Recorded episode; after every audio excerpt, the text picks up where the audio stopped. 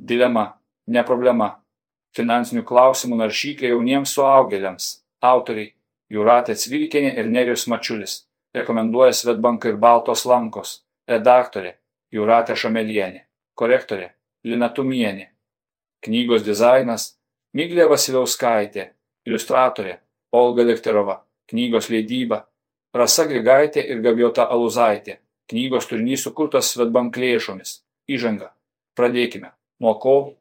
Nuo pradžios. Arba nuo to, kodėl apskritai atsirado ši knyga ir kas tie jaunieji suaugėliai. Pirmi kartai įrašomi istoriją, o mes rašome istoriją apie pirmus kartus. Gal apie juos būsite girdėję, gal būsite ką nors matę, bet juos tikrai verta pasikartoti, kai galime pasakyti, kad esame suaugę ir turime tai patvirtinančią tapatybės kortelę, atrodo, atsiveria begalė galimybių. Tačiau su begalė galimybių iškyla ir begalė dilemų.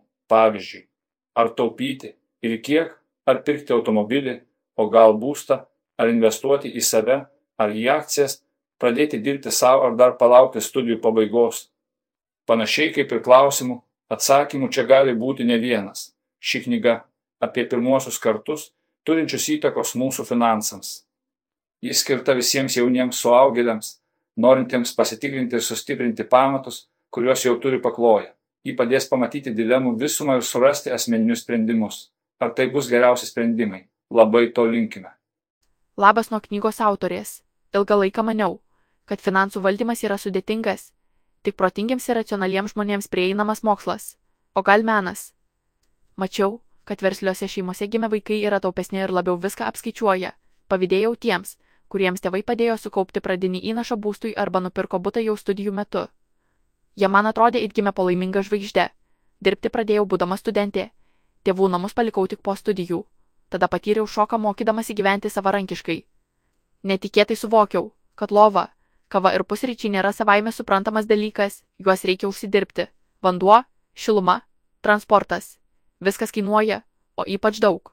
Londone, kur tuo metu gyvenau, Greitai tapo aišku, kad, norėdama dar ir sutaupyti, turėsiu aukoti dalį laisvalaikio arba privalėsiu investuoti į žinias tam, kad susiraščiau geriau apmokamą darbą. Nors esu baigusi filologijos, pedagogikos ir psichologijos studijas, gilinausi ir į elgesio ekonomikos niuansus.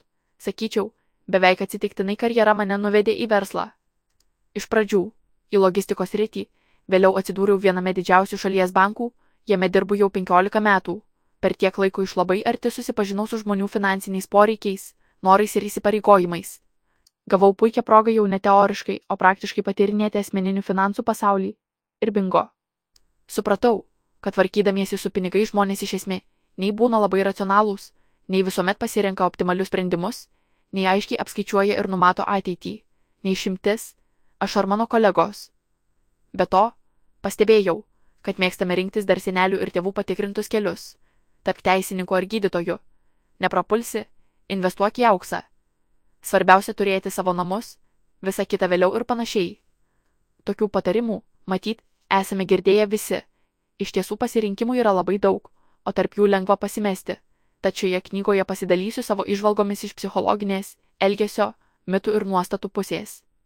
Atpažinę, pamatę, kartais iš jų pasijuokę, drąsiau galėsime judėti pirmin priimdami įvairius asmeninių finansų sprendimus. Pradėkime nuo pradžių.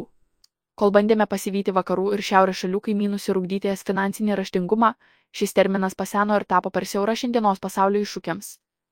Vis dažniau girdime kalbant, kad žmonės turėtų susikurti ir užsitikrinti stabilę finansinę gerovę. Taigi, koks yra finansiškai saugus žmogus? Jis pasirūpina kasdieniais poreikiais, atlieka mokėjimus. Planuoja finansus, numato ateitį, priimdamas sprendimus, gali įvertinti rizikas ir naudas, suvokia platesnį, pavyzdžiui, finansų rinkų kontekstą, taip pat išvelgia įvairias sąsajas. Štai ir šios knygos užduotis - suprasti ir surasti kelius, kai būnant tai skaičiuojantiems, tai visai neracionaliems, kartais sprendimus priimant vadovaujantis įpirštais mitais, baimėmis ar emocijomis, o kartais draugų patarimais tapti finansiškai saugiems. Pažadu, bus įdomu. Jūratė knygos skaitymo instrukcija nuo jūratės arba kaip ramiai priimti jauno suaugusiojo iššūkius. Nebijokime pasijuokti iš savęs. Apie finansus galime kalbėti lengvai ir su ironija, kylančius klausimus net išvysti komiksuose. Apgalvokime dilemas. Jų kyla dažnai ir jos gali pasirodyti daug didesnės, nei yra iš tiesų. Šioje knygoje susidursime su specialiai sutirštintomis situacijomis, nes tarp kraštutinumų slepiasi daug paprastesni atsakymai. Atraskime savo poziciją. Atsidūrė kryškelėje, dažnai matome juodą ir baltą, o tiesa yra kažkur per vidurį. Todėl knygoje yra minčių išsinešti ir patarimų, kurie padės rasti asmeninį aukso viduriuką. Priimkime pagalbą. Trumpai ir aiškiai sudėlioti pagrindiniai dalykai, ką konkrečiai reikėtų daryti, arba knygos paruoštukai, yra papildomas įrankis visiems už ir prieš įvertinti. Domėkimės. Naršyti galima ir knygoje.